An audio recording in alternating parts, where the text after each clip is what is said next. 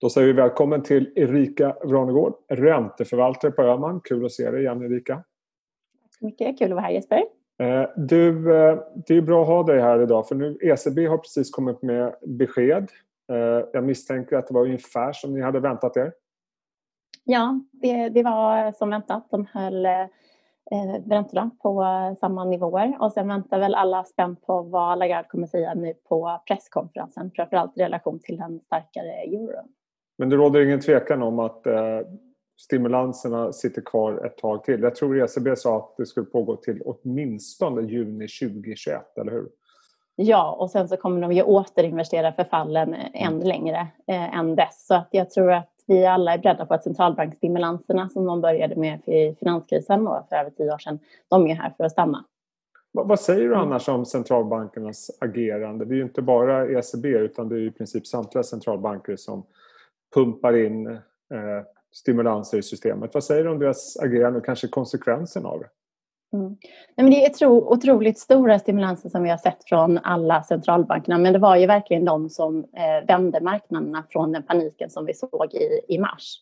Det var ju då runt eh, 23 mars eh, när Federal Reserve gick ut och började köpa eh, corporate bonds också eh, utöver som vi såg den stora vändningen. Och sen har vi ECBs då stimulanspaket där de har 1,3 trillion euros i sitt mm. PEP-program vi har vår egen riksbank som också har gått ut och stött marknaden med eh, commercial papers köp som gjorde att marknaden vände här när det kommer till krediterna. Eh, och även nu i nästa vecka kommer gå ut och börja köpa företagsobligationer. Så det är verkligen de här stora stimulanserna från centralbankerna och inte längre bara inom statsräntor och bostadsobligationer utan även när det kommer till ja, den privata delen av skulden eh, som driver på den här börsrörelserna som vi, som vi har sett. Och att du driver på börsrörelserna, vad kan man annars mm. säga om räntemarknaden och framförallt kanske vad räntemarknaden säger eller hur den bedömer marknadssentimentet? Mm. Nej, men räntemarknaden då, de prisar ju räntor att de ska fortsätta eh, förbli låga. Mm. Eh, det var ju efter eh, Federal Reserve Powell var ute och pratade på det här virtuella Jackson Hole i år när han introducerade Adjustable Inflation Target som var att men vi kommer tillåta att inflationen över en tid går över 2 som vi har satt som vårt mål för att vi under en så pass väldigt lång tid har haft inflation som har underskjutit målet. Eh, så någonstans där började ju räntemarknaderna prisa in att okej, okay, har vi ingen inflation då ska räntorna vara låga. Får vi inflation då ska räntorna fortsatt vara låga. Eh, och där befinner vi oss eh, nu i det läget med låga räntor som kommer fortsatt vara låga. Mm. Vad kan man annars säga om räntemarknaden som ett, vad ska man säga, ett instrument för att mäta marknadssentimentet eller börssentimentet. För min känsla är att räntemarknaden brukar gå före aktiemarknaden såväl upp och nedgångar. Hur resonerar mm. du kring det och hur ska man mm. titta på det?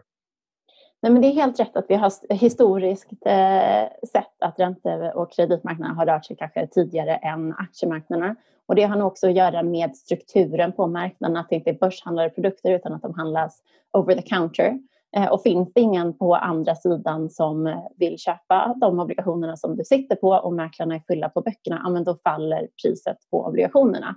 Och det har ingen relation till det fundamentala värdet av investeringen utan det är enbart drivet på likviditeten.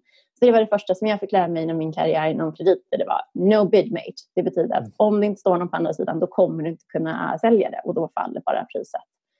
Um, och det var precis det som vi såg i mars. Men efter det så har ju centralbankerna kommit in i marknaden och vi har ju nu, som man länge har pratat om, liksom, en put option på marknaderna. Mm. Att det finns någon där som kommer vara buyer of last resort. Om det inte är så att det finns en annan tagare, då kan du alltid sannolikt gå och ställa en, stor del eller delar av det till eh, centralbankerna som kommer där och tillföra likviditet till marknaderna. Så ska jag vilja säga att den här dynamiken av att ha de stora aktörerna inne på företagsobligationsmarknaderna ändrar nog strukturen framöver vad vi kan se på kreditmarknaden. Så jag är inte lika säker på att vi längre kommer kunna se till samma utsträckning att kreditmarknaderna kommer vara ledande för aktiemarknaderna. eftersom det eh, finns eh, köpare där som kommer vara där med likviditet. Kan man vara så elak eller cynisk och säga att centralbankerna har tagit bort risken? Alltså risken i marknaden?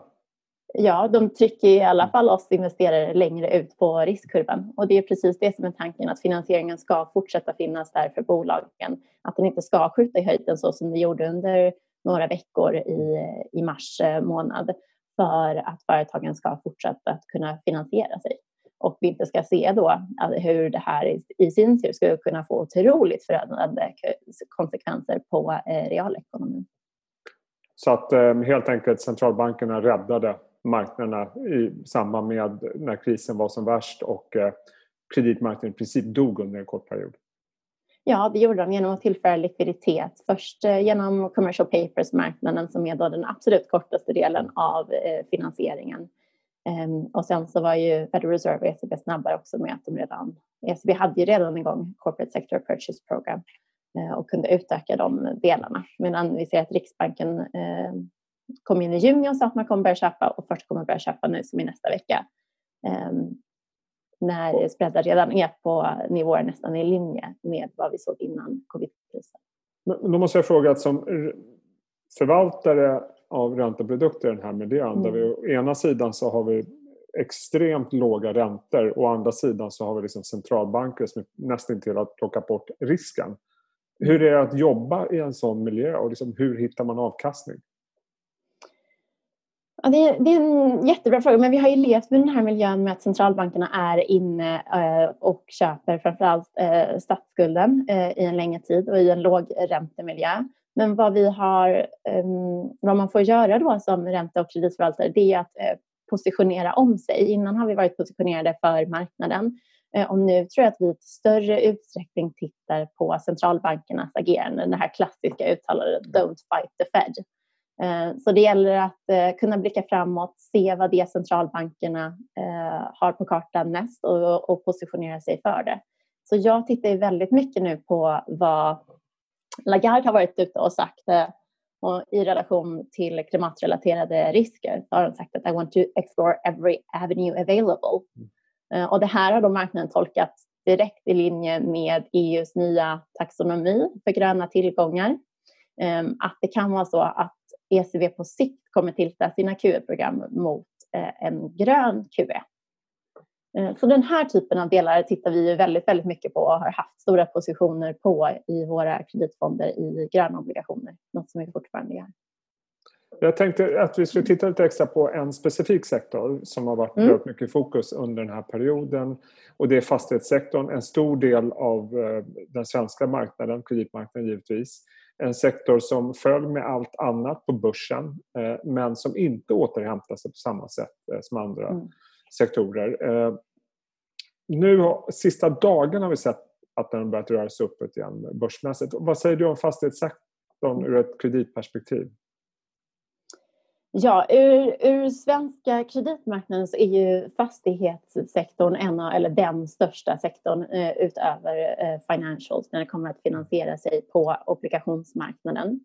Vilket betyder att eh, fonder har suttit med väldigt stor exponering eh, mot fastighetsbolagen.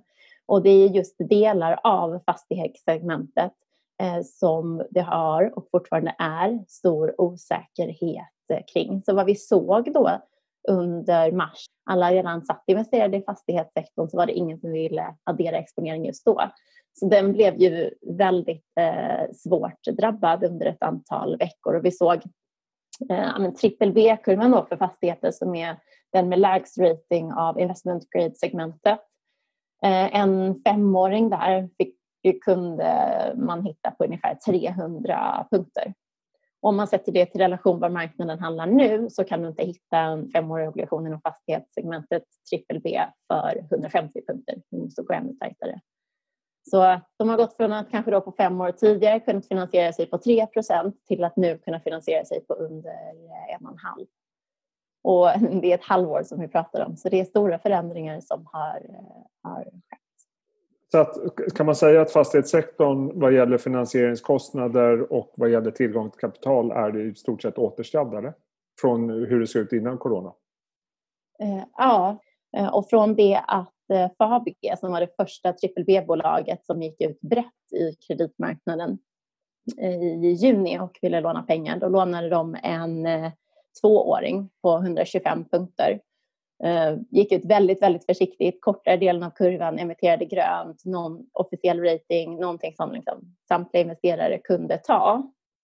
En mindre volym på 500 miljoner. Så har vi nu sett att icke-ratade high yield fastighetsbolag kan emittera och kan emittera stora volymer. Vi såg eh, några miljarder tryckas eh, tidigare veckor inom de här segmenten. Eh, okay. Så den är öppen och det finns tillgång till kapital på nivåer som jag är väldigt förvånad över att vi redan är tillbaka till. Varför är du förvånad? Jo, för att här ser vi också vad vi har sett i de andra finansiella marknaderna, att vad som händer på finansmarknaden är väldigt frånkopplat vad som händer i realekonomi. Vi är ju fortfarande inne i vad som har beskrivits som en av de största finansiella kriserna och realekonomiska kriserna sedan den stora depressionen på 30-talet.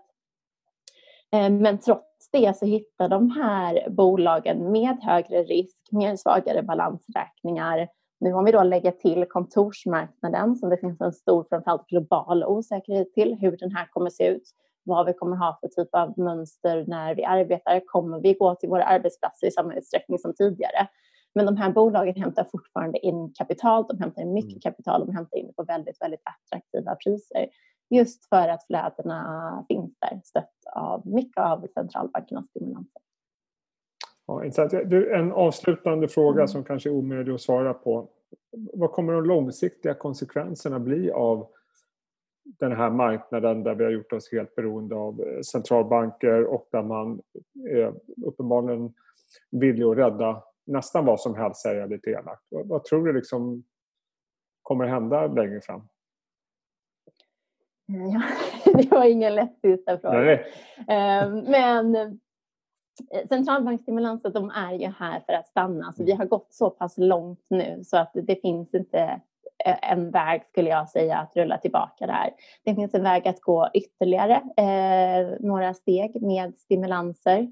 Um, Riksbanken kan ju fortfarande köpa high yield-obligationer så som Federal Reserve gör och den stora centralbanken Federal Reserve kan ju fortfarande gå in och köpa aktier vilket man redan har gjort i Japan och den schweiziska centralbanken har gjort det också. Eh, så den här likviditetsstimulansen kan ju fortsätta längre. Men vad vi också har sett som har hamrat på från centralbankerna under en längre tid innan även covidkrisen har varit att nästa gång så är det verkligen upp till politikerna också att skapa stimulanser. Och det är väl det här skiftet som vi är inne i eh, just nu när man går från enbart monetär stimulans till att också ha eh, physical policies. Mm och att du emitterar mycket statsskuld för att kunna skapa olika typer av eh, projekt. För att helt enkelt stimulera aggregate demand. Och EU har ju gjort det här eh, och eh, dedikerat en stor del av sin budget till gröna eh, stimulanser. Så jag skulle se då i relation till vad jag hör centralbankerna prata om med ytterligare grön QE att det är någonstans dit vi kommer snurra det här för att lyckas med den gröna omställningen. Så centralbankerna håller räntorna låga. Man sätter upp ramverk nu för vad som definieras som grönt och icke-grönt. Och vi ser olika stater som lånar upp otroliga pengar där det finns väldigt mycket kapital som vill finansiera omställningen som då kan gå till det här gröna. Så för att lämna det på en optimistisk eh, slutsats eh, här i den här krisen så skulle jag säga det. Ja, eh, alltid kul att sluta på en positiv mm. Eh, not. Eh, jättespännande. Erika, tusen tack för att du tog dig tid och lycka till. Ja, tack så mycket.